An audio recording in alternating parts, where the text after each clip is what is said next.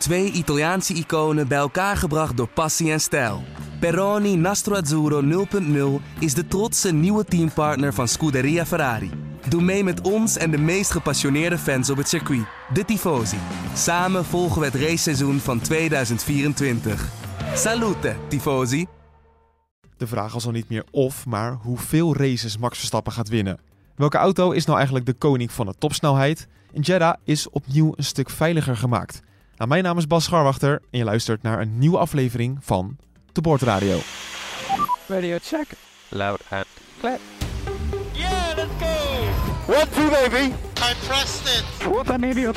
I can literally not even lift my arms anymore. Yes, boys, come on! Yes! Oh, this feels good. This feels really good. Het is tijd om vooruit te blikken op de Grand Prix van Saoedi-Arabië. Op het eh, prachtige circuit van Jeddah. En dat gaan we allemaal weer doen. eh, het vooruitblikken natuurlijk met het vaste team van de Boordradio. Letterlijk met het vaste team, want iedereen is erbij. Joost Nederpelt dus. Goedemiddag is het hier in eh, Hoofddorp. Woensdagmiddag nemen wij dit op. Patrick Moeken. Goedemiddag Bas. En vanuit Japan begrijp ik deze keer. Hoop in Toon. Goeie, goeie avond voor jou. Ja, goedenavond. Wat, wat ben jij aan het doen al- allemaal? Eh, ik ben hier eh, in Suzuka, in ieder geval vlakbij het circuit van Suzuka, waar aankomend weekend eh, de eerste race van het Super Taikyu seizoen zal zijn, waarin ik eh, deelneem met een eh, Honda NSX GT3 in de topklasse, de zogenaamde STX-klasse daar. Dus eh, ja, veel zin in. 60 auto's staan er ingeschreven, dus het wordt een, eh een vol veld op een relatief smal circuit. 60 auto's. Ja. Mag ik meteen even een nerdvraag stellen? Aan Hopin. Ja. Eh, die NSX, dat is toch een, eigenlijk de straatauto is een hybride, toch? Heb, heb jij dan ook een hybride of is het hybride deel eruit gehaald? eh? Nee, dat is, dat is eruit gehaald. Het is gewoon een eh, eh, geblazen motor, hè? Oh ja, V6. Zonder, eh, zonder, elektrische, ja, zonder elektrische ondersteuning. Nice. Oh, oké. Nou, Moeken, mooi hè? Geweldig, ja. Ja. Rij je nog tegen bekende mensen, hoop in? Eh, nou, ik denk, ja, is veel Japanse coureurs, uiteraard. Ja. Een aantal fabrieksrijders eh, die ook Super GT doen, Super Formula. Ehm, ik denk het belangrijkste, of in ieder geval de meest bekende naam die eigenlijk meedoet in het kampioenschap, is eh, meneer Toyota. Dus Mr. Oh. Toyota himself. Oh ja, ja. Ehm, de uitgaande eh, president, chairman of the board van eh, de autofirma. Die, die zou eigenlijk meedoen in een concept hydrogen auto. Ja. Maar ik begreep dat hij teruggetrokken is omdat hij een, probleempje hebben gehad in een privé-test. Waarbij de auto in de brand is gevlogen. Dat las ik een uur geleden. Dus eh, even afwachten of hij eh, wel of niet eh, zelf verschijnt. Maar zijn team is in ieder geval wel. Onder andere met een Mercedes AMG GT3. eh, ja, die ook in de topklasse met ons meedoet. Dus die, daarmee, daarmee gaan we ongetwijfeld hard op de baan knokken om de honneurs. Superleuk. Nou, nu, ja, sowieso leuk om jou te horen als coureur weer. Want het heeft toch wel een tijdje geduurd door de corona-perikelen en dat soort dingen. En ja, we gaan wel in deze podcast vaker met updates komen over jouw resultaten. Laten we het nu vooral over de Grand Prix gaan hebben. Want ehm, sowieso op de dag dat we vandaag opnemen is het acht jaar geleden dat Max Verstappen zijn debuut maakte. 15 maart. En dan min acht jaar. 2015. 2015. jongen, jongen.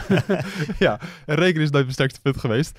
Eh, hebben jullie daar nog warme herinneringen aan? Nou, hij viel ook uit, hè? Het ging allemaal nergens over. Ja, nee, ja, het, het was natuurlijk... eh, we hebben natuurlijk wel vaker Nederlanders op de grid gehad. Als ik even terugdenk aan toen, weet je wel. En, maar dit was wel anders dan die eerdere Nederlanders. eh, was, mijn, eh, was mijn beleving toen. Eh, Maar hij reed ook meteen in een auto die al punten kon pakken. Hè? Ja. Ja, ja, dus die een beetje bivakkeerde rond de puntengrens. En naarmate het seizoen vorderde, reed hij er dan natuurlijk steeds vaker in. Ja. En hij was natuurlijk niet de enige die die dag eh, debuteerde. Want Oh, Carlos Sainz. Carlos Sainz. Oh, natuurlijk, als ja, team- tuurlijk. teamgenoot. Ja. natuurlijk, dat is logisch. Ja, Ja, ja. grappig. Ja, dat er zijn toch twee eh, coureurs geworden die het aardig goed doen. En ook allebei eh, de auto's hebben om op Jeddah te gaan strijden voor de, voor de zegen. Want, ehm Moeke, ik kijk toch even naar jou. Het verschil tussen Red Bull en Ferrari wordt wel kleiner, denk ik, in vergelijking met Bahrein. Voor de neutrale liefhebber moeten we dat wel gaan eh, eh, hopen. Ja, het zou wel een, eh, een klein drama, nou geen drama, maar het zou wel voor een, een spannend titelgevecht, hè, waar we toch als Formule 1 fans op hopen. Ik denk dat er ook veel Verstappen fans luisteren, maar ook voor hun zou het denk ik leuk zijn als hij gewoon een beetje tegenstand krijgt. Want dat wil je toch uiteindelijk zien, gevechten op de baan met, eh, met Verstappen. Zeker. als de rest iets dichterbij komt. En niet dat, eh, dat je weer het gevoel krijgt dat als Verstappen echt zou willen het hele veld op een rondje kan zetten. Hm. Maar goed, aan de andere kant, eh, Red Bull zag er wel gewoon heel sterk uit. En het zou me ook weer niks verbazen als ze ook hier weer gewoon een dominante zege gaan pakken. Ja, hoop in. We hebben de Ferrari gezien in, ehm in Bahrein. Topsnelheid, dat zit wel goed daar. Maar eh, de rest, daar mag nog wel flink aan gewerkt worden volgens mij. Ja, nou ja, je noemt Ferrari. Ik denk dat natuurlijk Aston Martin hè, was voor velen een grote verrassing tijdens de eerste race. Die zagen Ja. natuurlijk veelbelovend uit, ook al tijdens de testdagen. Maar de vraag was, konden ze dat volhouden? Of was dat ja, gewoon dat ze een beetje veel showruns hebben gedaan? Maar ja, dat, dat, ja die waren gewoon ongelooflijk sterk. En op de baan, puur op snelheid ook voorbij. Aan Mercedes, aan Ferrari ook. Eh, zagen er ook goed uit. Ik denk wat een van de belangrijke dingen voor het circuit hier in Jeddah. Het is natuurlijk echt een hoogsnelheidscircuit. Ja. Ehm, mensen praten natuurlijk over, het is natuurlijk veel vol gas, maar er zitten ook wel daadwerkelijk veel snelle bochten in. Eh, je hebt remstabiliteit nodig. En ja, Aston Martin was wat dat betreft ook ontzettend goed in Bahrein. Ehm, op al die vlakken die ik ook net ook op, opnoemde. Dus ik denk dat die, eh, dat die hier ook wel weer sterk voor de dag zouden kunnen komen. Nou Joost, wij hebben voor nu.nl een video gemaakt dat topsnelheid niet altijd alles zegt over het snelste rondje. Want in Bahrein viel echt op dat wij eh, bepaalde data inzagen en dat de Ferrari op de rechte stukken nou, helemaal rood kleurde. Dat is Zo'n map die wordt dan gekleurd met uh, Wie er op dat moment het snelste dat is op het snelst is. Nou, Ja. dat was dus Leclerc in vergelijking met Verstappen. Ja, Maar en ook toch, Sainz. Voor de volledigheid, ja. zeker, zeker. En dan die kleine bochtjes, steeds zag je dan het blauwe van de Red Bull. Ja. En daardoor was Verstappen zoveel sneller. Ja. Kan je dat nog eens uitleggen, waarom dat kan? Ja, nou dat heeft dus te maken met. ik- De, normaal gesproken is een auto een beetje meer afgesteld op de bochten of iets meer afgesteld op de, de rechte stukken. Hè? Ja. De- dat is die, dat compromis wat je altijd moet vinden. En eh, het lijkt erop dat de Ferrari iets meer is afgesteld op de rechte stukken, om het simpel te houden. En de Red Bull, eh, die wint gewoon relatief veel tijd met grip, met downforce, met tractie ook. Hè? Hoe goed je uit de bocht wegkomt in de, in de wat langzamere bochten vooral. En eh, ja, daar, in een langzame bocht ben je relatief lang. Daar, dus daar win je relatief meer tijd dan in een snelle bocht. Ehm, en je ziet gewoon duidelijk dat ze, dat ze daar echt eh, veel op pakken. En als voorbeeld kun je dan nemen bocht 4 in de kwalificatie. Dus dat is die bocht naar rechts. Het is net geen hairpin, maar een soort van hairpin. Weet je waar Stroll Alonso raakte? Ja, daar. En daar was de, de Red Bull, Verstappen ging daar met 12 km per uur sneller doorheen in zijn snelste ronde dan, eh, dan Leclerc. Hm. Maar dat is een significant verschil. Ja, en, En dus dat, is, dat is meer dan Leclerc won op Verstappen op de rechtstukken. Ja, zo dat- maar te zeggen. Want dat scheelde steeds een beetje 4 km per Ja, uur ja, ongeveer. Maar dat maakt dus dan niet heel veel Maar uit. dat is wel belangrijk om te zeggen. Ja, de Ferrari is snel op de rechte stukken, maar de Red Bull is niet langzaam. En dat is, ja, dat zeggen we altijd, is echt een goede allrounder. En eh, dus die is in alles heel goed.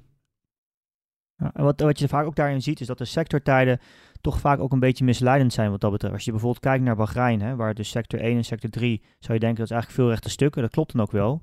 En op die rechte stukken pakt de Ferrari dan tijd. Alleen je moet niet vergeten dat dat, mede natuurlijk debet is aan het feit dat ze gewoon minder eh, downforce rijden.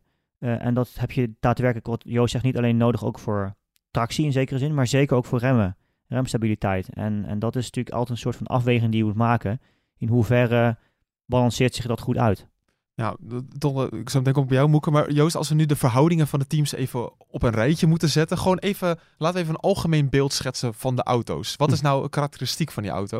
En dan mag we Hopin of Moeken, je mag dat aanvullen natuurlijk. Ja. De, de Red Bull is een allrounder. Ja, de, die, is, nou, die is gewoon heel goed ook. Het is een allrounder omdat hij ook gewoon heel snel op de rechte stukken en snel in de bocht is. Dat, is een, ja, dat maakt die auto heel goed. Ja. Ehm, wat we zagen, we hebben natuurlijk alleen in Bahrein gereden. Ik weet, je houdt van de nuances, eh, hou je niet zo van. Maar Nee, het is wel belangrijk om te zeggen, we hebben alleen in Bahrein gereden. De Ferrari was daar snel op de rechte stukken, verloor relatief veel tijd in Ja, de bochten. team voor team even. Team voor Even- team. even- ik wil even voor de ja, ja, overzicht. dus ging, mensen, eh, nu ging ik naar de Mercedes, de volgende. Dus ik was van de Red Bull naar de Ferrari gegaan en nu ga ik naar de Mercedes. Oh, je pakt het helemaal zelf op. Ja, ja, ja. Ja, Eh, en, wil- ook. wil Nee, je- ik, wilde even, kijk, ik wil misschien even een overzichtje, want ik krijg heel veel vragen van vrienden en familie van waar is een auto nou goed in? Waar moet ik nou op letten? Ja. Want in, in de jaren 2018 had je altijd dat Mercedes was de Ja, allrounder, ja. Ferrari snel en Red Bull was goed in Monaco. Kunnen we dat nu ook zo een beetje zeggen? Op basis van Bahrein alleen dus. Nou ja, de Red Bull is dus een allrounder, dat hebben we gezegd. De Ferrari is snel op de rechtstukken. En verliest relatief veel tijd in de bochten. Dus dat betekent op een Imola, of sorry, op een Monza bijvoorbeeld, daar moet de Ferrari goed zijn. Op basis van Bahrein wel. Ja. En dus ook Jeddah, denk ik. Ja. Ehm, eh, relatief goed. En, ehm, en de, de Mercedes is een beetje van alles wat. eh, maar die was ook wel wat redelijk snel op de rechtstukken. Maar dat is vooral omdat ze downforce missen. En dat die verliezen dus wat in de bochten. En de Aston Martin was in Bahrein king of de bochten. Ja. Die was nog sneller in de bochten dan de Red Bull. En ook sneller dan de Mercedes. Dus ook In de langzame bocht heb ik het dan vooral over. ja, dus ook weer een Monaco zou juist een perfecte Aston Martin baantje Ja, zijn. ja, op basis van Bahrein nogmaals, inderdaad wel. Ja. Ja, want we hebben ze nog niet gezien in een low downforce setup en in een, eh, met andere vleugels. En dan kan die auto misschien ook al als een, als een raket gaan op de rechte stukken. Dat, dat hoop ik. Maar dat moeten we nog zien. Ja, de Red Bull sowieso gewoon echt een ijzersterke auto, eh Moeken. Nu kregen wij een, eh, een prachtige vraag van Johan Bres via podcast.nu.nl, ons mail, eh, mailadres. Kan Verstappen in Zandvoort al kampioen worden? Dat is een, dat is een hele optimistische vraag. Ja, Maar, we dachten, we gaan het toch even uitzoeken. Ja, nou ja, we waren er ook vrij snel klaar mee. Hm. En het is eigenlijk wel bizar dat we hiermee bezig zijn. Hè? Dus het is, eh, Beetje met een neem het vooral niet te serieus. Nee. Maar na Zandvoort zijn er nog 258 punten te verdelen, inclusief eh, drie sprintraces. Ja. En in het meest onwaarschijnlijke geval, hè, dat, eh, dat, dat- dat- we hebben uitgerekend dat stel de nummer twee is in alle races vierde geworden. Dan, ja, dan moet het wel heel raar lopen, wil diegene ook tweede staan. Hm. Dat gezegd hebbende, maar je moet toch, je moet toch ergens naar zoeken. Hè? Ja. Eh, die heeft dan 206 punten, dus die zou dan nog ruim 50 punten tekort komen om dan al kampioen te worden. Dus lang verhaal kort. Nee, gaat niet gebeuren. Nee, het zou alleen kunnen als types als Albon en eh, Logan Sargent dan ook een keer tweede worden en punten van, Precies. van de concurrenten Ja, ja. wegsnoepen. Maar we zijn wel heel voorbarig bezig nu, eh, nogmaals. Dat Dit is wel het summum van voorbarig. Ja, Ja. ja, ja, ja. Ja. Nou, dan de volgende vraag. Eh, hoop in, hoeveel races gaat Verstappen dit seizoen winnen? En let even op deze uitspraak, want deze komt misschien aan het einde van het jaar nog wel een keer terug. Ah, ehm, ik denk dat hij de 8 gaat winnen dit jaar. Oké, staat genoteerd. Ik ga het even opschrijven. Eh Joost, wat denk jij? Eh, ik denk 15. 15. Wauw. Sorry, wat was het record van vorig jaar ook alweer? Ik ben het alweer vergeten. Was dat niet ook ook niet. 15? Ja, Ja. Maar dat, dat klinkt ook heel veel, maar uiteindelijk eh, lukt Of het was dan het wel. 16? Nu begint te twijfelen. Ja, nu begin ik ook te twijfelen. Want hij natuurlijk een record met 14 en 15 had. Ja. Nou, Joost, zoek jij het ondertussen op. Moeke, Ja. wat denk jij? Eh, 16. 16. Dat is twee derde ongeveer. Dat is denk ik wel haalbaar. Dan zeg ik 22 Ja? Ja. Yes. van de 23. Ja, Ja, nee, maar dat kan toch niet. Ja, nou, dat, Hij gaat toch ook een keer pech krijgen? aan één valt hij er dan uit. Ja, hij gaat Ja, een keer was- pech krijgen. dat klopt. nou, hoop je, misschien klinken we een beetje als Verstappen-fanboys, maar het, het is toch wel gefundeerd op basis van de race van, eh, van Bahrein. Ja, nou, als je kijkt, puur en alleen naar Bahrein kijkt, dan eh, is die auto zo ontzettend dominant. En zeker met Verstappen achter het stuur. Ik bedoel, eh, ja, we hebben het ook in de nabeschouwing, ook met Patrick heb ik het over gehad. Eh, hij is ook helemaal niet getest, Verstappen. Bedoel, hij kon gewoon, die- misschien de eerste run, de eerste stint heeft hij een beetje gepusht om een gat te creëren. Maar daarna heeft hij toch een beetje lopen cruisen, denk ik. En dus ze, ze hebben gewoon nog best wel veel achter de hand ook. De Ja. reden dat ik niet zeg zo'n exorbitant groot aantal overwinningen is omdat ik denk dat ze misschien gedurende het seizoen nog wel wat last zullen krijgen van die windtunneltijdstraf Ja. die ze hebben, Hm. eh, die ze aan de broek hebben. Ehm, maar ja, als je kijkt nu hoe de kaarten nu geschud liggen op basis van Bahrein, het is geen goede graadmeter, maar ja, is die auto natuurlijk ontzettend dominant. Ik wil nog wel trouwens toevoegen wat net Joost vertelde over hoe de auto's, eh, de onderlinge verhoudingen. Oh ja, Eh, ik denk wat daar, een van de dingen die je daar wel eh, mee zou kunnen nemen, is het feit dat men in Bahrein ook bij verschillende teams eigenlijk toch wel erachter kwam, zoals bijvoorbeeld een Ferrari of een Mercedes ook, ten opzichte van de testdagen, dat ze dat de Achilleshiel wederom te veel drag was. Eh, dat ze gewoon te langzaam waren op de stukken. En dat ze daar toch specifiek ervoor gekozen hebben om gewoon met een kleinere achtervleugel te rijden. En ja, dan- in Bahrein is het best wel lastig, omdat, nou ja, we hebben het er vaker gezegd natuurlijk, we blijven het herhalen, omdat dat, het heel erg zwaar is voor banden daar. Hm. Dat is in Jeddah natuurlijk een stuk minder het geval. Eh is, heeft relatief veel grip, is beter. Ehm, we hebben in het verleden ook wel gezien dat men daar ook aan geëxperimenteerd heeft met het eh, nou, trimmen, dus met kleine achtervleugels en dergelijke. Hoe, hoe klein kun je eigenlijk wegkomen daar? Dus misschien is het, ja, op basis daarvan zou je kunnen zeggen dat dat, dat in Jeddah wellicht iets dichter bij elkaar zou kunnen zitten. Maar ja, ehm, de karakteristiek zoals Joost beschrijft is het wel zo, maar dat is natuurlijk mede een beetje afhankelijk van welke vleugel men onderling kiest voor om te rijden. ja blijf even bij jou hoop in, want we kregen nog een vraag van eh, Wouter de Wild. Die had, was een beetje kritisch op ons. Want eh, sowieso is onze vooruitblik altijd een beetje het schiet alle kanten op. Dat merk ik vandaag eigenlijk ook wel weer. Hm. Maar die zei, ja, jullie vergeten dan steeds het, het strategische element. Ehm, wat kunnen teams nou doen? Wordt het een één-stopper, twee-stopper? Ja, maar dat weten we vaak nog niet op, Nee. op donderdag. Dat is een beetje het punt. En Nee. zeker nu met nieuwe banden. Nee, dat is heel lastig, omdat je ook geen bandeninformatie hebt. Precies. Meestal na de vrije training kun je wel wat zeggen. Na de vrijdag kun je gewoon wel redelijk kijken hoe waren de long runs op de verschillende compounds. En dan kun je daar iets zinniger woord over zeggen. Maar ik denk op basis van ook de long runs van Bahrein had bijvoorbeeld... Tenminste, ik had persoonlijk niet gedacht dat Red Bull twee keer soft zou kiezen. Achter elkaar. Nee. Ik weet niet hoe, wat jullie dat dachten of Joost, wat jij, daar, wat jij daarover dacht. Maar Nee, dat is wel iets daarmee druk je jezelf meteen in de hoek van... Moet je ontzettend overtuigd zijn van je eigen kunnen en je eigen snelheid om daarvoor te kiezen. Want je weet dat je dan hoe dan ook sowieso nog een keer moet stoppen. ja, dat was een beetje een, eh, zoals Ferrari zich voor, eh, zelf vorig jaar een paar keer klem zette. Maar Red Bull is gewoon eh, in veel betere vorm dan Ferrari vorig jaar. Maar om nog even terugkomend op dat inderdaad, ja, ik, we kunnen rustig woensdag een voorspelling gaan doen daarover. Maar dan wordt het natte vingerwerk en daar schiet, hoe heet de vraagsteller ook weer? Wouter de Win. Wouter de Wit ook helemaal niets Wouter. mee op. Dus meestal op zondagochtend maak ik een voorspelling. Of op zaterdag na de kwalificatie al, waarin dat allemaal wel verwerkt zit. Ja. Maar Maar Joost, is het dan is het wel een circuit moeilijk voor de banden? We za- zagen hoop in, net al, we hoorden net al zeggen dat dat wel meevalt. Nee, eh, die, eh, je, Red Bull heeft dat, of eh, Pirelli heeft dat zo'n schaal, weet je wel, van, eh, van hoe, eh, hoe zwaar het circuit is voor de banden. En dan krijgt hij een 2 van 5.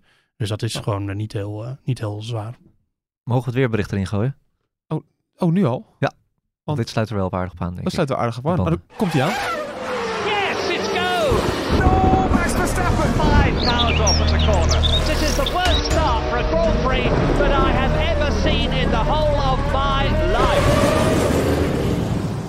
Ja, altijd leuk om een bumpertje weer te horen. Al moet ik nog een nieuwe maken van mijn chef, maar eh, ben ik nog niet aan toegekomen. Ik vind het nog steeds wel een beetje iconisch, toch? Ja, hoezo moeten we een nieuwe... Waarom moeten we nou weer een nieuwe maken? Ja, ik vind hem te lang ook. Oh, te lang, altijd gezeik met het te lang altijd. ja. jongen, jongen, jongen. ja, en wel gewoon iets korter, iets flitsender. Ja. Oké. Ehm, maar over flitsend gesproken, gaan we flitsen zien, Moeken?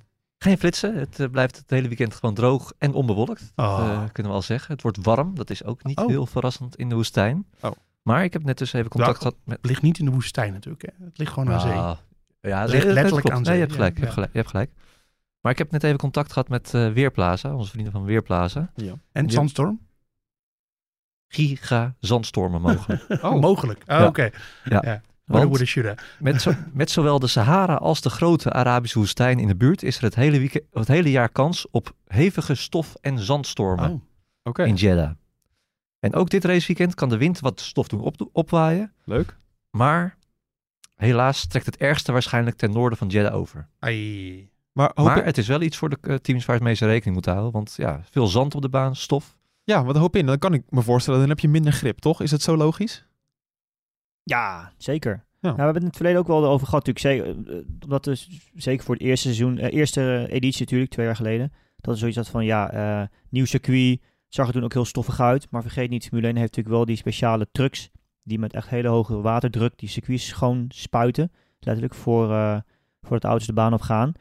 Maar het is natuurlijk wel zo, en dan heb je eigenlijk een beetje bijvoorbeeld ook op Zandvoort, als in één keer tussen sessies de wind opsteekt en de, de waait zand op de baan, ja, dan is het zeker een stuk gladder. En dat kan zelfs zo kritisch zijn in een kwalificatie bijvoorbeeld. Dat tussen bijvoorbeeld een Q1 en Q2, als je besluit om in Q2 dan als eerste de baan op te gaan bijvoorbeeld, dat net die, die paar minuten break ertussen, ehm, kan de baan in één keer behoorlijk veranderen. En is het dus het timen van het moment wanneer je een ronde gaat zetten eh, ontzettend belangrijk. Nou, dat is wel goed om te weten. Ehm, gaan we even naar een ander onderwerp, want Jeddah is ook aangepast. Eh, sterker nog, het gaat heel veel om veiligheid rondom dat, eh, rondom dat circuit. Nu was er altijd al kritiek op, maar nu hebben ze ook wel weer flinke aanpassingen gedaan, Moeke. Ja, best wel. Je hebt, je hebt een overzicht. Nou, overzicht. Ik heb het een paar zinnetjes eh, genoteerd, ja. Oh, ja. Want vorig jaar was de kritiek dus juist dat ze helemaal niks aan het circuit hadden gedaan. Terwijl er al een paar keer bijna grote crashes waren geweest. ja, ze hadden een muurtje een meter opgeschoven en dat was het wel. Ja, nou, vorig jaar hebben we natuurlijk wel die grote crash gezien in de kwalificatie van eh Mick Schumacher. Wat eh, goed afliep, maar wat er best wel eh, behoorlijk heftig uitzat. Ja. Naar aanleiding daarvan hebben ze de curbs iets minder rigoureus gemaakt. Dus dat het iets strakker loopt. Nou, dat is met, heb ik het ook al vaak met Hoop in over gehad. Met die stijve auto's van tegenwoordig, met minder vering. Kan dat wel helpen, denk ik zo. Hm. Eh, en in vijf bochten is het circuit iets breder gemaakt. Varierend van 2 tot 7 meter. Ja, de uit, de, niet het circuit letterlijk of de uitloop. Ja, de, de, de muren zijn iets naar Ja, achter gehaald. ja, Ja, ja. ja. Ja, Dus er is iets meer ruimte gekomen. Eh, en in één bocht, bochtencombinatie 22-23 moet ik even goed zeggen, eh, is het circuit juist iets smaller gemaakt, waardoor ze minder hard gaan, zo'n 30 km per uur. Maar over de hele ronde zou, de, zou het circuit juist weer sneller zijn geworden, verwachten ze. Dat is wel interessant, Maar want het ruimer maken, ja, dat ruimer maken is wel grappig. Dat hebben ze eigenlijk vooral gedaan aan de binnenkant. eh, van onder andere bocht 14 en bocht, ik even kijken, 20.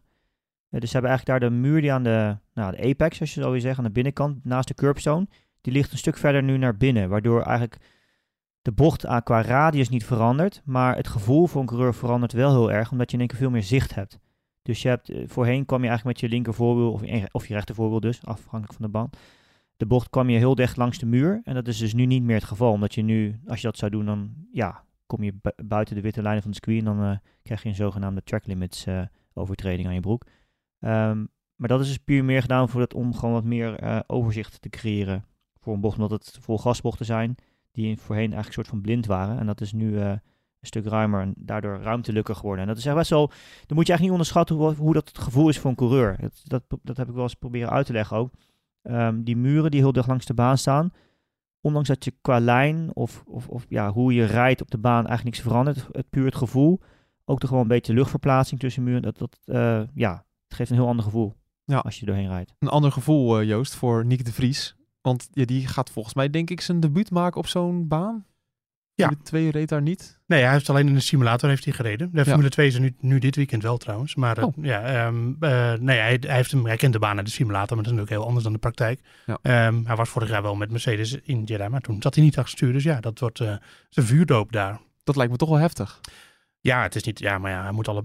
Ik ga nu. De cliché-generator gaat aan, maar hij moet elke baan een keer op, voor het eerst rijden natuurlijk. Ja, dat is waar. En ik, ik denk dan, eh, maar dat zal Hopin waarschijnlijk wel beamen, dat, dat Jeddah ook wel echt een uitdaging is. Dus ik gok dat hij er ook wel zin in heeft.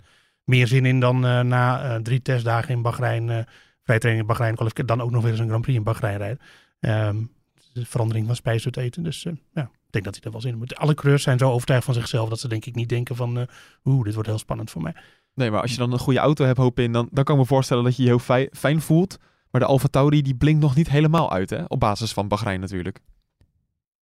Nee, nee, het was zeker niet de snelste auto in Bahrein. En eh, ja, langzaam terecht het stuk ook wel. Eh, ook zeker in, in sector 2, waar je eigenlijk downforce nodig had, eh, ja, was hij ook niet sterk. Was de Vries in de kwalificatie zelfs de langzaamste van het hele veld. Ja. Dus ja, dat, dat biedt niet veel goeds, zou je kunnen zeggen, voor Jeddah. Maar het is wel weer een hele andere baan. Hè? En dat is ook natuurlijk, het is allemaal cliché, het is allemaal verzachtende omstandigheden creëren. Eh, dat we ook constant zeggen van ja, op basis van Bahrein kun je niet zeggen dat bijvoorbeeld Red Bull zo goed is. Alleen, eh, dit is wel weer een heel ander circuit, heel ander asfalt. Eh, maar als je puur vanuit de coureur- coureursperspectief kijkt, is dit natuurlijk wel een gave baan om te rijden. Want ik, ja, ik zeg altijd, coureurs vinden snelle bochten het leukste om te rijden. Dat is gewoon zo. Dat, ja, het gevoel van eh, die downforce eh, door zo'n snelle bocht, eh, net wel, net niet vol gas kunnen, dat, dat geeft ja, zo'n adrenalinekick. Dat is veel leuker dan alleen maar hairpins rijden natuurlijk. Ja, en laten we duidelijk zijn, hè, Moeka, we hebben hier nog nooit een saaie race gehad. Nee, het is echt een eh, fantastisch circuit. Het is alleen jammer dat het in eh, Saudi-Arabië ligt. Ja, had, Mag je dat zo zeggen? Ja. Ja, tuurlijk. Ja. Ja. Persoonlijke voorkeur. had deze baan in de, in de Flevopolder gelegd en eh, het was een klassieker. Nou ja, het, eh, het is toch wel een van de... wij gaan er ook niet voor niets eh, niet heen. Dus eh, ja, het is toch eventjes benoemen. Ik denk wel dat de Flevopolder iets minder grandeur heeft dan de Rode Zee. Maar voor de rest... eh, Ho, ho, ho, dan moet je niet de Flevopolder onderschatten. Ketelmeer eh, heeft ook, eh blaast ook een stevig toontje mee. Nee, ja, nee, het is natuurlijk gewoon Saudi-Arabië. Maar ja, ik denk dat we er langzaam aan moeten gaan wennen dat veel meer sport zich daar afspeelt natuurlijk. Ja. Ronaldo wordt ook verwacht als bezoeker dit weekend, want die voetbal daar tegenwoordig. nou, die wordt niet alleen verwacht, die wordt gewoon verplicht. Ja, die zal er wel, het staat wel in zijn contract waarschijnlijk. Dat denk ik ook, ja. ja. Nee, ja, het, het, het, ik trek mij totaal niet. Eh, ik vond Bahrein, eh, nou daar hebben we het al over gehad. Dan werd ik nog eh, voor het verwend nest uitgemaakt dat ik Bahrein niet zo leuk vond. Maar ja, dat Saudi-Arabië en Jeddah is niet veel beter in mijn, eh, mijn beleving. Maar ik moet eerlijk zeggen, ik ben daar ook nog niet geweest. Dus, eh, maar als het een beetje lijkt op al die andere oliestaatjes, dan eh nou, Ja, laat ik hem liever over eigenlijk. Ja, we spraken wel een collega dat de, de voorzieningen voor de media, die zijn echt fantastisch. Ja. De, de paddock is eh Ja. groot. Ja. Ja, dus dat is wel mooi. Ik ben er twee keer geweest voor Formule E. Oh. Dat was natuurlijk niet in Jeddah, maar dat was in, eh in Riyadh. Ja. En de faciliteiten daar ook waren ook inderdaad eh, fantastisch. En er, er, er waren letterlijk eh, kosten nog moeite gespaard om het een mooi evenement te maken.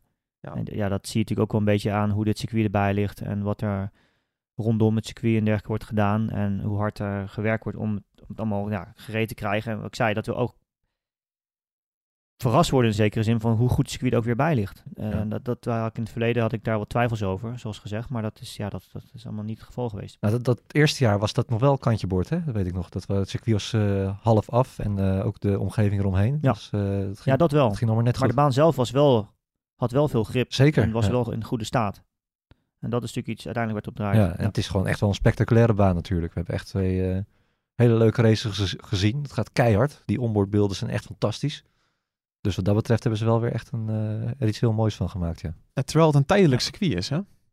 Want Is- uit, uit de Grand Prix van Saudi-Arabië had op een circuit gereden moeten worden, maar dat wordt nog gebouwd. Oh ja, klopt. Ja, die zou bij Riato komen, toch? Ja. Ja, ja maar als dit... eh, je krijgt natuurlijk op een gegeven moment dat dit, deze baan een fan-favorite wordt. eh, en dan eh, ik vraag ik me af of de Formule 1 er wel afscheid van wil nemen. Want eh, het is toch, ja... Goed, je weet natuurlijk niet wat ze daar eh, uit de grond eh, stampen momenteel. Maar ik denk dat het toch... het is, nou ja, wat Patrick zegt, het is gewoon wel een baan waar ik als puur als circuit wel een beetje naar uitkijk. Dus eh, ik vind het veel leuker dan Bahrein bijvoorbeeld. Ben je leuker. Ja, dus die zou ik niet zo snel van de kalender eh, halen als ik de Formule 1 was. Ja, die baan wordt gebouwd in Ki- Kidia. Oh, daar. Ik spreek het vast verkeerd uit. Bij, Kidisha. Bij zoiets. Riyadh linksaf en dan weer... Ja, bij die rotonde en dan bij de Aldi links. Ja, Ja. inderdaad. ja, dat is al bijzonder. Het is een, een, een favorite. Eh, laten we toch even naar de verhoudingen gaan kijken. Want eh, Red Bull zal natuurlijk de favoriet zijn. Maar misschien alleen op basis van de race pace, Joost? Ja, dat zou kunnen. Maar ja, goed, laten we zeggen dat voor Red Bull vorig jaar was natuurlijk wel gewoon ook heel sterk eh, op, de, op de rechtstukken. Perez had hij vorig jaar ehm Pol, trouwens. Ja, ja. ja. zijn enige volgens mij. En ehm, oké, toen, toen was Ferrari was ook, kon het gewoon bijhouden. Dat was natuurlijk een mooi gevecht tussen, tussen Verstappen en, eh, en eh, Leclerc. En ook eh, weer zo'n DRS-duel. Eh nou ja, Had die Singapore ook geen pol trouwens?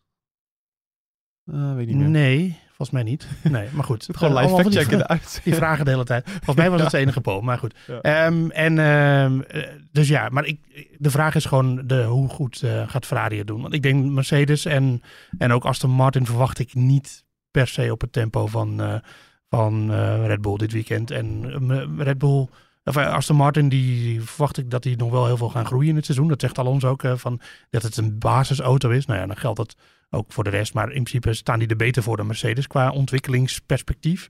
Dus die, eh, maar die verwacht ik niet dat ze nu al een hele arrangement aan vleugels hebben. Ook voor deze baan zie ik in principe niet zo snel gebeuren. Eh, Mercedes, daar hadden ze de low drag eh, achtervleugel al mee in Bahrein. Tenminste, ik neem aan dat dat hun de kleinste achtervleugel is. En nou ja, dat, ze waren niet heel snel op de rechtstukken. Ja, die, die verwacht ik niet als concurrent van, van Red Bull. Dus ja, het moet gewoon in Jeddah van Ferrari komen. Wil het spannend worden, daar komt eigenlijk op neer. Of Verstappen en Perez moeten elkaar te lijf gaan. Maar dat zie ik ook niet helemaal gebeuren. Nou, voordat ik het aan Hoop in vraag. Die kwalificatie in Singapore was natuurlijk die ene. die- Er scheelde maar vijf eh, honderdste tussen de top drie.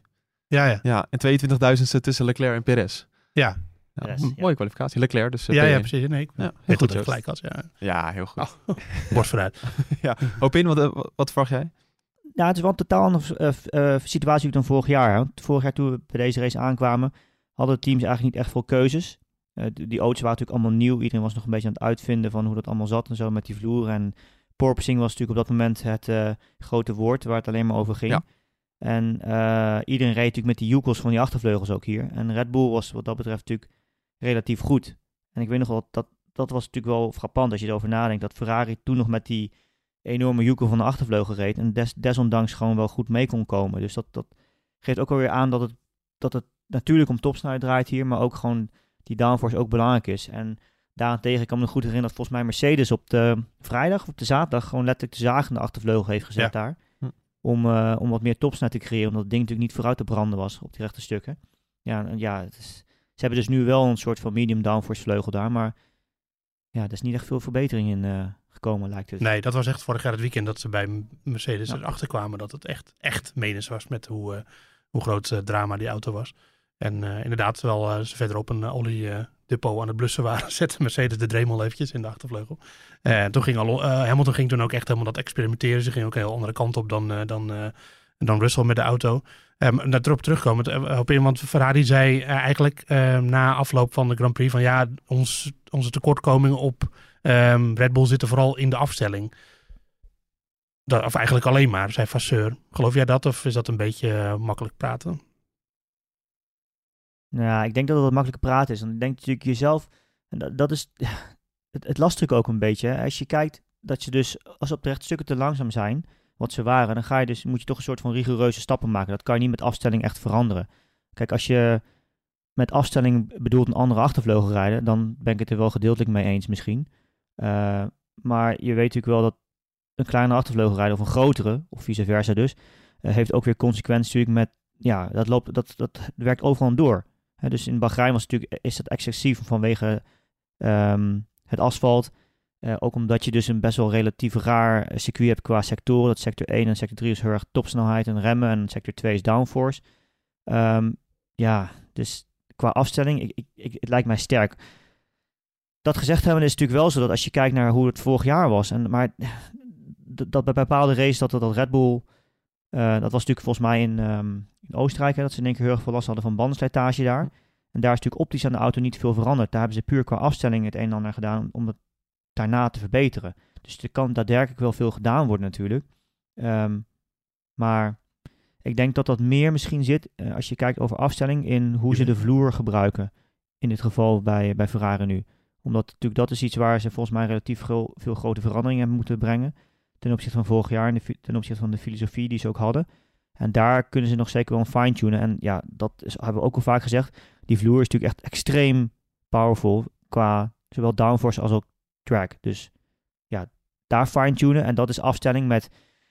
eh, Sorry, ik heb, het is een vrij lang antwoord, maar ehm, die rijhoogte waar we het natuurlijk ook wel over hebben gehad, daar werd ik ook in de comments van eh, nu, ja, eh, nu jij nog eh, bij over neergeschoten natuurlijk weer zoals gewoonlijk. Maar Het zal wel je weer. hebt natuurlijk statische rijhoogte en, en ja, die statische rijhoogte, dynamische rijhoogte. En het valt natuurlijk gewoon op dat eigenlijk alle auto's statisch gezien, hè, dus als ze stilstaan, relatief hoger staan dan dat ze vorig jaar deden. En dat heeft natuurlijk mede met die nieuwe reglementen te maken.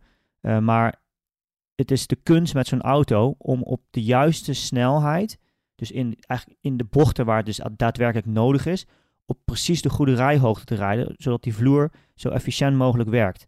En het is dus ook de kunst op momenten waar het dus niet nodig is om downforce te hebben, dus, dus op rechte stukken, om die vloer juist weer te sluiten. En het is, het is die rijhoogtecontrole die echt extreem belangrijk is bij die auto's met ground effect. En, en dat is iets, als je dan over afstelling hebt, ja, dat heeft natuurlijk mede te maken met eh, vering, demping en noem maar op. Hm. Eh, dus ja, daar zit inderdaad wel wat winst natuurlijk.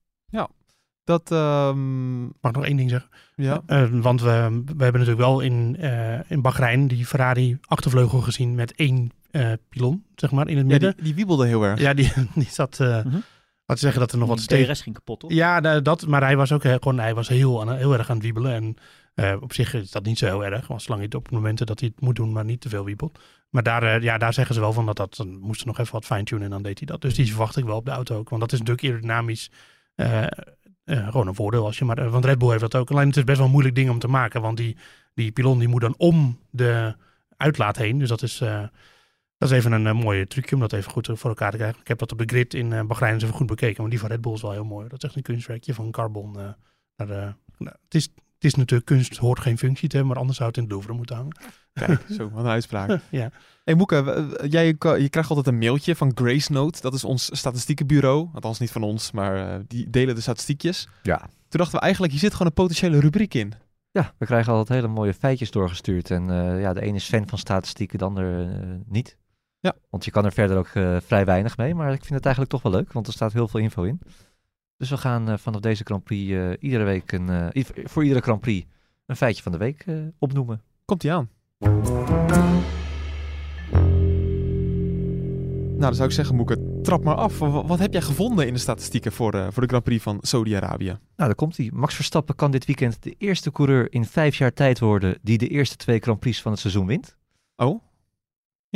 De laatste was, quizvraagje. Ja, die, die, ja, wij hebben, ja, ik- we kunnen een heel toneelstukje houden, maar we Ja, hebben we het op de redactie al besproken. Mensen kunnen even nadenken. Maar hoop in, weet jij het? Eh, ik- nee. was Sebastian Vettel in 2018. Die werd overigens geen kampioen natuurlijk dat jaar. Dus dat, Nee. eh, om maar aan te geven dat als Ah, Verstappen dit oké. weekend wint, dan eh, eh, betekent dat nog niet dat hij eh, kampioen wordt automatisch. Al was Vettel die zegens pakte die niet zo dominant als eh, ja, Verstappen eh, in ieder geval in Bahrein was. Nou, sterker nog, je kan de eerste vier races winnen en dan kan je ook geen kampioen worden. Nico Rosberg in 2016. Klopt, klopt, klopt. Ja. Ja, ja het is Wacht 18... even, oh, zeg je nou? Of Ja. eh, hij werd, Hij werd wel kampioen. Hij werd natuurlijk wel kampioen. Ja, maar het werd, maar het werd toen heel... Nee, Oh, het- ik snap wat hij... Het werd heel, heel spannend dat jaar nog. Ja, precies. Ja, race, dat bedoelde ik eigenlijk. Ja, ik bedoelde dat het dan nog heel Tuurlijk. spannend was. Ja, nice save, nice Dat je tot de laatste race nog op het puntje van je Had- stoel had, zit. had wat hulp nodig met, met opgeblazen motoren. Precies, ja. ja. Hij stond eigenlijk gewoon achter. oh, Ja. dus qua feitenkennis niet mijn beste podcast. Nee, nee, dat maakt niet uit. Nee. Maar nog hierop aanhaken, het is 18 keer eerder gebeurd dat een coureur de eerste twee races van het seizoen won. En 13 keer daarna won diegene ook eh, de titel. Zoals Dus, Nico eh, Rosberg in 2016. Ja, precies. Ja. Heel goed was. Scherp. Maar Vettel deed dat dus niet. Nee, Vettel deed dat dus niet. Nee, Nee. nee, nee. Nou, een mooi feitje om mee te nemen. Had je er nou nog eentje? Nee, dit, is, dit moet het ook niet te groot maken. Prima. Gaan Mag we naar ik- een ander rubriekje? Mag ik eerst even live eh, nieuws doorbrengen? Oh nee, gaan we weer. Nee, dat valt mee hoor. Oh. Grand Prix van Oostenrijk, belangrijke bestemming voor de Nederlandse fans. Ja. Ligt vast tot en met 2027. Oh. Verlenging van het contract. Leuk. Dus de, de, de biercampings en de op, opblaaszwembaden en alles kan eh, gewoon eh, die kant weer op de komende jaren. Ja, lijkt me ook logisch. De Red Bull Ring moet er wel op. Ja. Ja, zeker. Ook gewoon, gewoon een prima baantje. Zeker, vind ik dat wel een leuke race. Het is een heel korte baan eigenlijk, maar net als Zandvoort toch eh, vermakelijk. Nu krijgen we heel vaak vragen binnen. Ik heb nog, wel, Oh, jou op in? ik heb nog een statistiekje. Mooi. Die, die, ik nu zag, die ik net las, Oh. toevallig, die wel grappig is. Omdat we natuurlijk ieder- iedere keer erover hebben hoe dominant eh, Red Bull was in Bahrein en hoe dominant Verstappen natuurlijk was. Eh, als je kijkt naar hoe de, de, de afgelopen twee races waren op Jeddah. eh, er zijn in totaal 100, race, 100 rondes geraced daar. En maar 24 rondes eh, lag eigenlijk de, de uiteindelijke winnaar aan de leiding Oh, grappig. van die, van die 100, 100 rondes. Dus echt zo'n dominante race zoals we dat in Bahrein zagen. De, als ze dat weer weten te herhalen, zou dat wel een grote verandering zijn ten opzichte van de afgelopen twee jaar. Kijk, dat is ook interessant. Ja, we hebben natuurlijk gekke gevechten daar gehad met, met Leclerc en Verstappen, die DRS van elkaar eh, aan het afpakken waren. Hamilton en Verstappen natuurlijk het jaar daarvoor. met Dat die, sowieso. eh, ja. Ja. Ja, mooi, mooi baantje wel. Ik heb wel zin in eigenlijk. De laatste keer dat Hamilton een race won, was daar. Ja, ook Ook nog. in 2021 was wel later in het seizoen, dus het is niet letterlijk twee jaar geleden. Maar, eh, maar het is toch ook wel een mooi tijdje terug inmiddels. Nou, dan, ehm, En die drag race toen, hè, van Ocon ja, en eh, ja, dan wil ik door finish. met... ehm, kijk, ik zeg altijd, je kan mailen naar podcast.nu.nl. Heel vaak krijgen we relevante vragen binnen en die worden dan verwerkt in de podcast zelf. Dan vergeet ik soms de naam erbij te, te zetten. Maar soms krijgen we ook wat kleinere vragen binnen, waarvan ik denk, ja, dat past niet helemaal in, in de uitzending. Maar daar kan je natuurlijk wel even een rubriekje voor doen. Dus we hebben een eh, rubriekje met, kijk, of nou, lu- luistervragen zijn het dan, hè? Ja, daar wordt niet gekeken naar. Nee.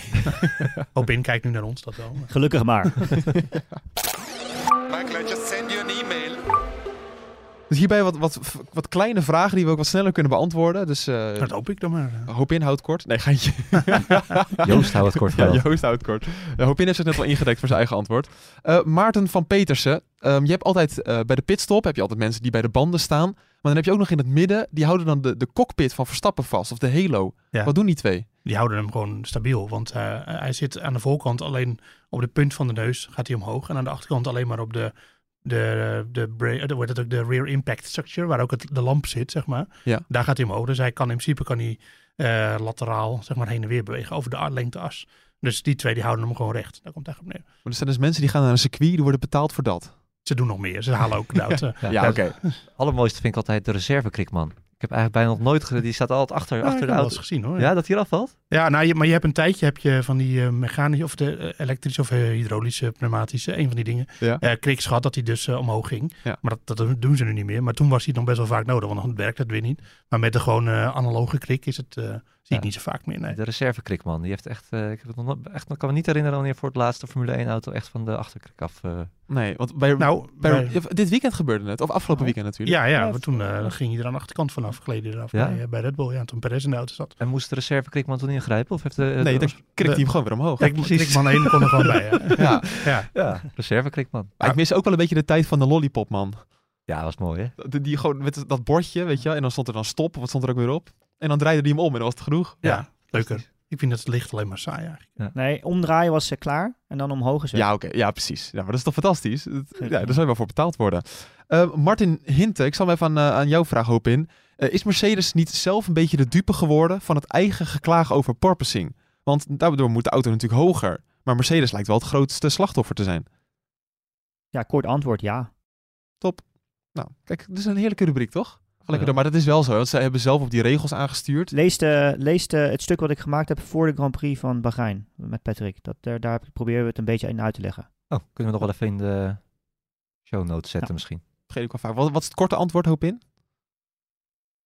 Ehm, nou, omdat, de, de- kort antwoord, de randen van de vloeren zijn natuurlijk hoger geworden.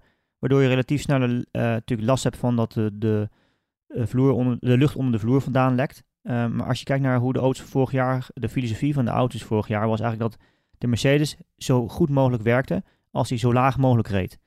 Eh, en bij Ferrari gold het eigenlijk ook zo, maar bij Red Bull was het juist niet zo. Die reden eigenlijk überhaupt al een stuk hoger.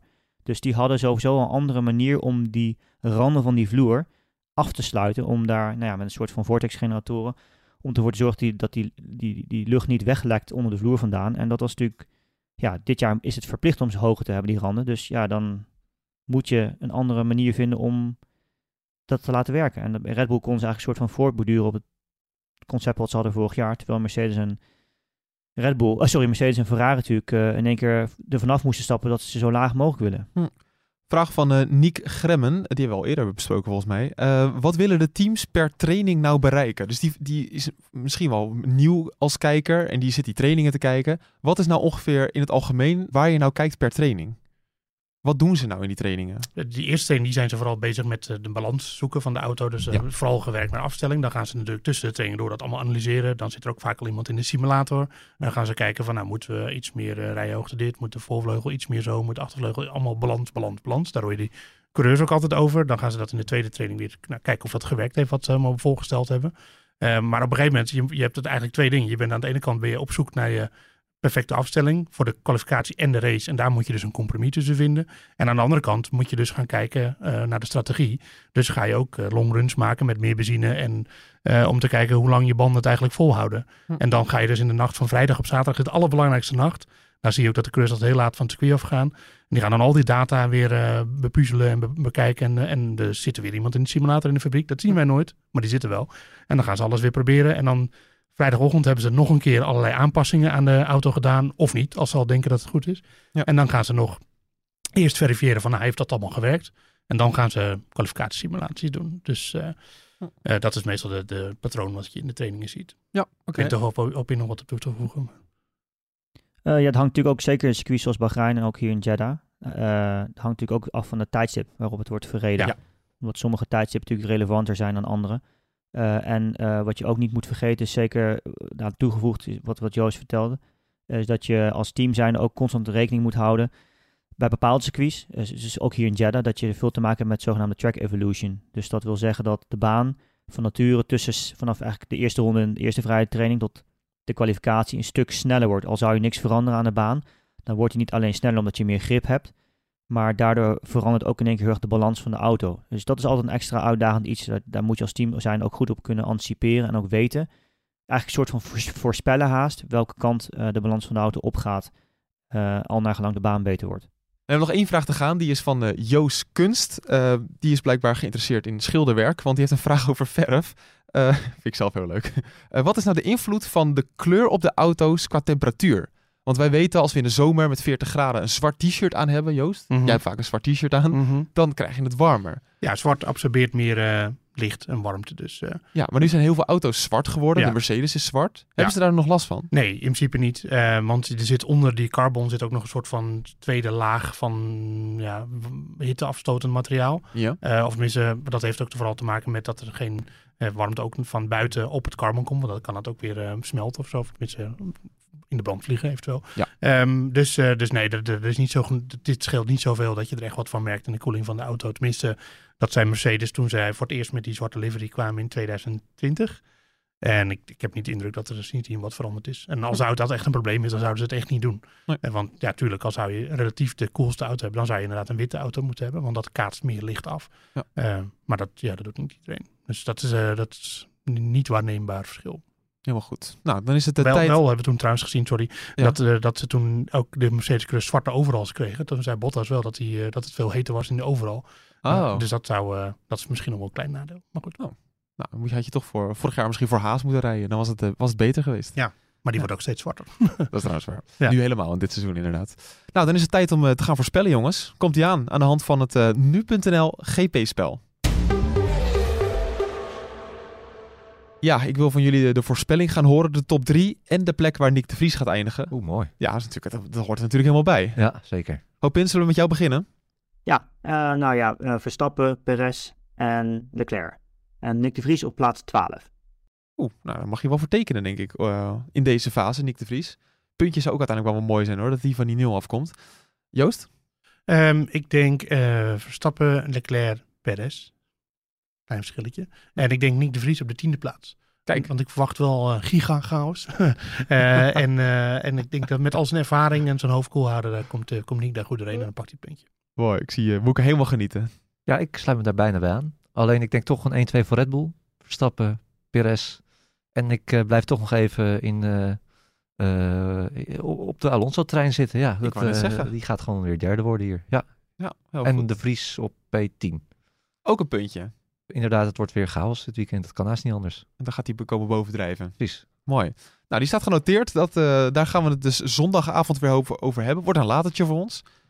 Ja, zes uur starten. Nederlandse tijd. Ja, dus dan, eh, dan zitten we ergens midden in de nacht op te nemen. Maar dat hebben we allemaal natuurlijk over voor, voor dat, dat het in ieder geval, ja, voor de luisteraar wil ik zeggen. Maar dan zijn we zo'n stelletje slijmballen met z'n allen. Eh, maar in ieder geval maandagochtend, nacht komt die natuurlijk weer online. Dan wil ik alleen zeggen nog, eh, dank jullie wel, jongens. Alsjeblieft. Ja, en als er weer vragen zijn voor het nieuwe luisteraarsrubriekje, dan kan je natuurlijk terecht via podcast.nu.nl of via ons Twitter-account, @debordradio. En dan zou ik zeggen, vooral tegen Hopin ook, veel plezier met racen daar nog. Ja, dankjewel. Komt goed, heel veel succes. En eh, we zien elkaar dus maandag weer bij een nieuwe aflevering van De Bordradio. Tot dan.